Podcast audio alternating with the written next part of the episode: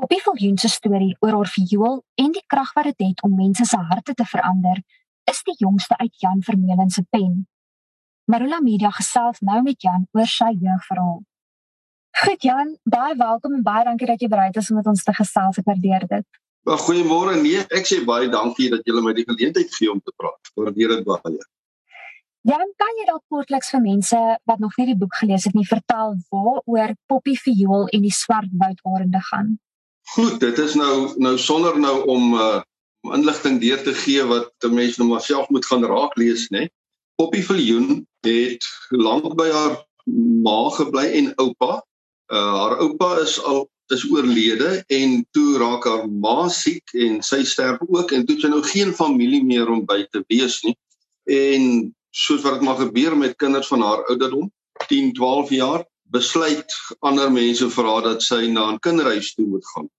En sy word eenvoudig opgelaai en al wat sy saam met haar kan neem terwyl die begrafnis van haar ma nog aan die gang is, is 'n viool wat sy by haar oupa geërf het. Haar oupa het altyd vir hulle gespeel toe hy nog geleef het en dan vertrek sy na die Swartwoud kinderhuis. Die oom en tannie wat vir haar oplaai, gee nie vir haar preslik baie inligting nie, maar dis 'n lang lang pad wat hulle ry in die nag in waar sy sit en bekommerd raak, word sy nie dalk ontvoer nie, sy ry hierdie vreemde wêreld in. Dan raak dit nog vreemder wanneer sy op die wanneer hulle op die grondpad beland nader aan die Swartwoud kinderhuis uh, wat in 'n woud is dan letterlik en saam met daar agter in die motor is daar ook 'n seun wat wakker word. Hy is nou al 'n geruime tyd 'n inwoner by die kinderhuis Lusapo en dan begin hy nou vir haar te vertel stories oor hierdie kinderhuis wat vir haar nou bang maak soos hierdie reuse spinnekoppe so groot soos katte en uh, allerlei sulke goed. En hy waarsku haar ook veral teen die mensaarende uh en sy dink natuurlik hy maak 'n groot grap hoewel sy tog begin onrustig raak want hy klink redelik ernstig. Maar die mense arende wat hulle vermoed van die kinderhuiskinders vang want hulle raak die een na die ander raak hulle weg. Dis hoekom sy nou kan gaan. Sy gaan nou juis in die plek van 'n dogter wat so weggeraak het. Wanneer sy dan by die kinderhuis aanland vind sy vreeslike vreemde omstandighede. Haar hare word afgeskeer hulle is kaalkoppe al die kinders. En sy ontmoet dan 'n klompie kinders wat al redelik lank daar is. Uh, en dan vind sy so tussen die lyne uit dat sy eintlik nie toevallig na hierdie kinderhuis toe gestuur is nie dat daar ander magte ook aan die werk was uh, om vir haar met hierdie viool daar te kry die viool wat sy by haar oupa geërf het en sy vind uit hierdie viool het 'n lang geskiedenis haar oupa se oupa grootjie of iemand in die verre verlede in Italië het met hierdie viool gespeel en hy het soort van wonderwerke verrig eintlik in daai tyd. Uh mense het gesond geword byvoorbeeld as hulle luister na sy viool speel. En dan vind sy uit sy's eintlik daar om met hierdie viool die harte van hierdie mensarende te verander want hulle lewe met wrokke en haat teen die mensdom. En sy is daar om met haar vioolspel hulle harte te verander. Maar natuurlik oor 'n klomp ander dinge moet gebeur want daar's ook mense wat daar wil verhinder om dit te doen. En dan lê die groot vraag, gaan sy nie moed hê?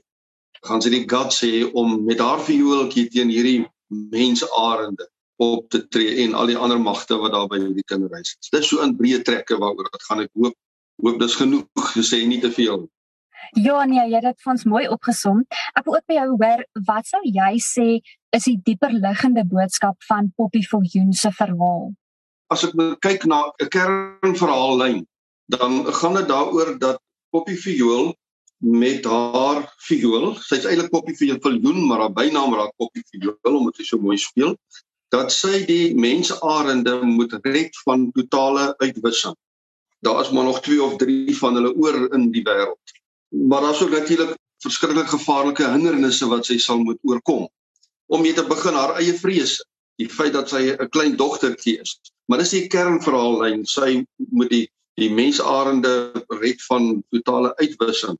Maar natuurlik as jy nou sê wat is die dieper liggende verhaal, dit wat agter hierdie sal ek sê opdrag van haar lê.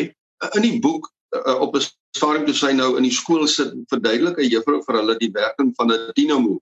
Ek weet nie hoeveel van die jong mense kinders ken nog die dinamo nie. Dis 'n ding wat ons toe ons jonk was aan ons fietsse voorwiele gesit het dan nou so 'n silindertjie dan klap hom so teen die fiets se wiel en as jy ry en die die wiel draai, dan wek dit 'n uh, elektriese energie op wat jou fiets se lig laat brand. So die juffrou verduidelik nou vir hulle hierdie dinamo met 'n fietswiel wat sy daar het wat draai en die liggie brand om te sê dat binne in hierdie dinamo is daar 'n 'n latente uh, energie, elektriese krag met elektriese drade en magnete en so aan. Maar dit die krag moet eers opgewek word deur natuurlike krag, soos 'n mens se arm of 'n been wat bykom en daai wiel laat draai en die dinamo laat werk en dan brand die liggie. Dan vind uiteindelik in die storie vind 'n uh, 'n uh, poppie uit dat sy soos hierdie dinamo hierdie energie in haar het, uh hierdie latente energie om die lewe rondom haar te verander, 'n beter lewensplek van te maak, letterlik om haar liggie te laat skyn. Maar daai dis net latente energie, dit moet eers in beweging gebring word wanneer sy gaan besluit sy gaan die viool opneem, sy gaan iets probeer doen. So die dieper liggende verhaal is daar eintlik in elkeen van ons so 'n dinamose hierdie latente energie, hierdie moontlikheid om die lewe rondom ons te verander. Ons moet net eers die guts kry as jy woord kan gebruik om in beweging te kom om ons natuurlike talente te gebruik. Haar talent is nou uh, uh haar musiektalent en natuurlik die viool. So, so dit wil eintlik dieper liggend wil dit jong mense en groot mense wat lees aanmoedig om te sê ons het almal in ons hierdie latente energie om die lewe rondom ons te verander, maar dit gaan nie van self gebeur.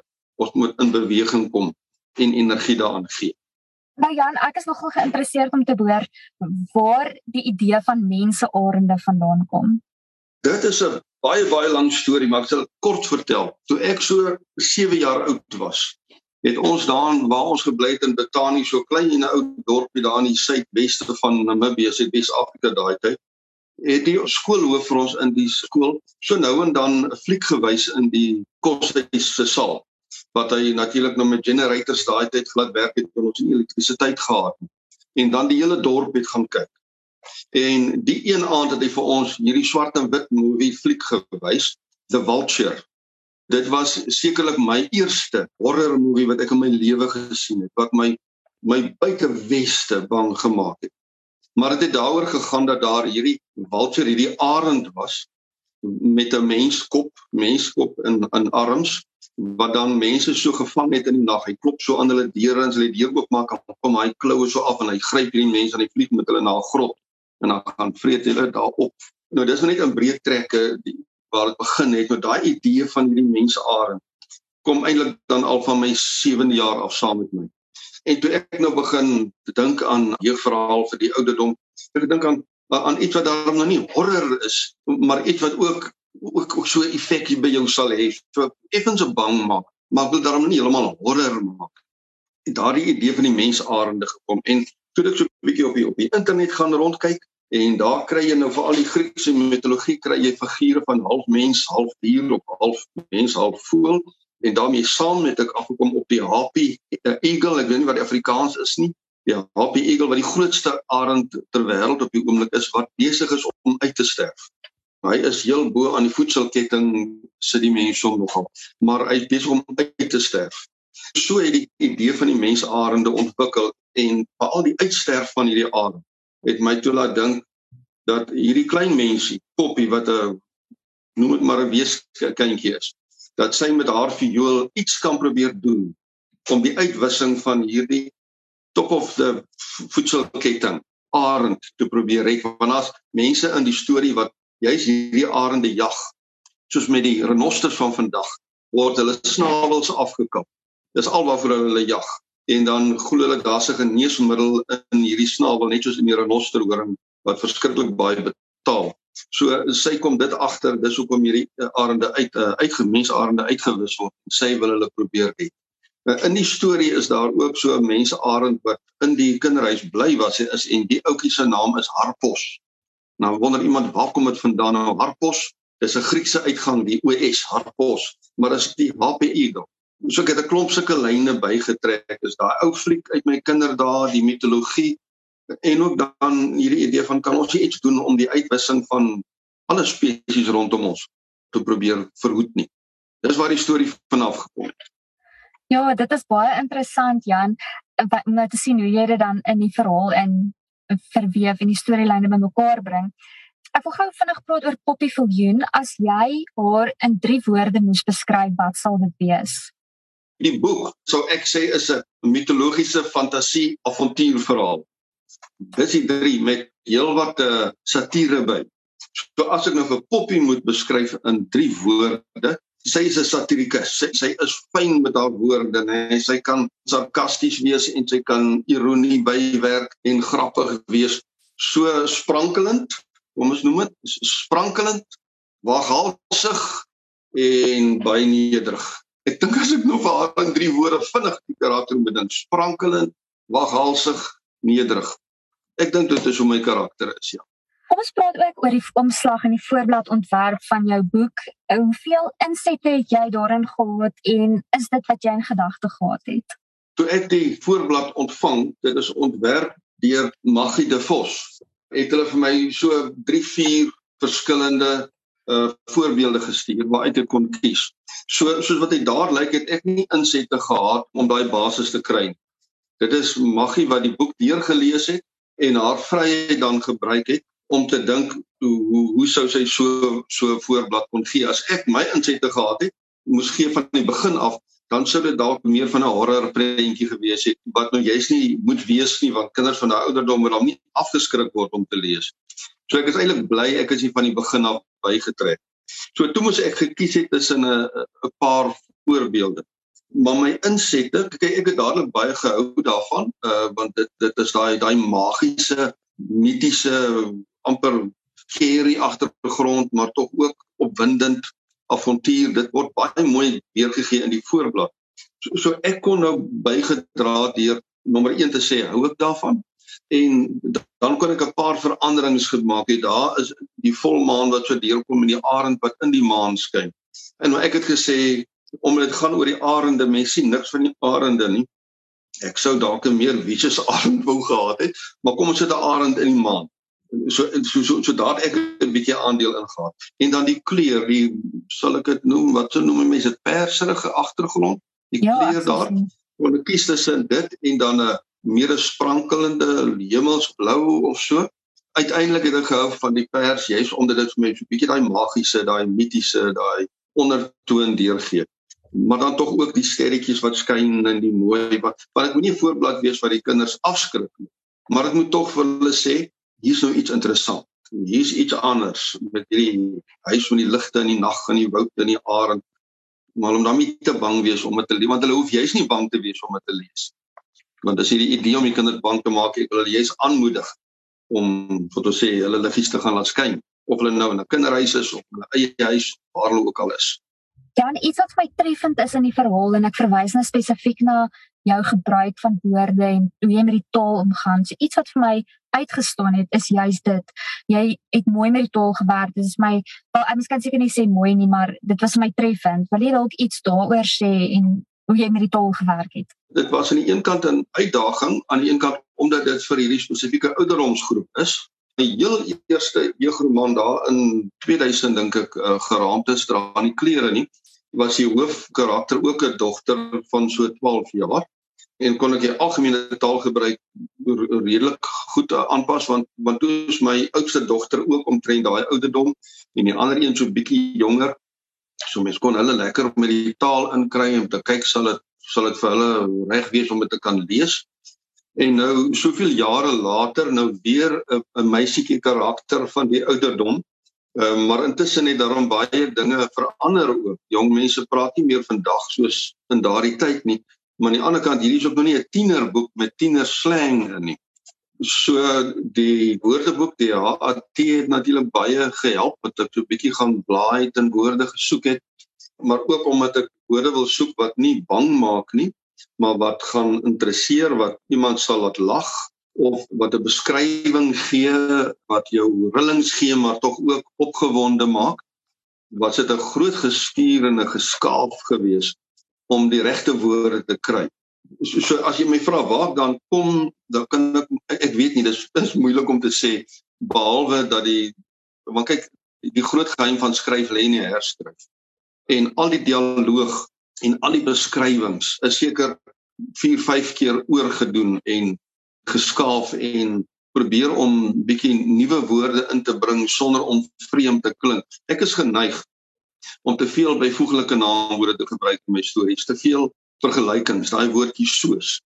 En die uh, manuskripontwikkelaars kap my gedurig daarop. Sê so, kyk hier in twee bladsye het jy 16 keer dit gebruik. Dit is nie te veel.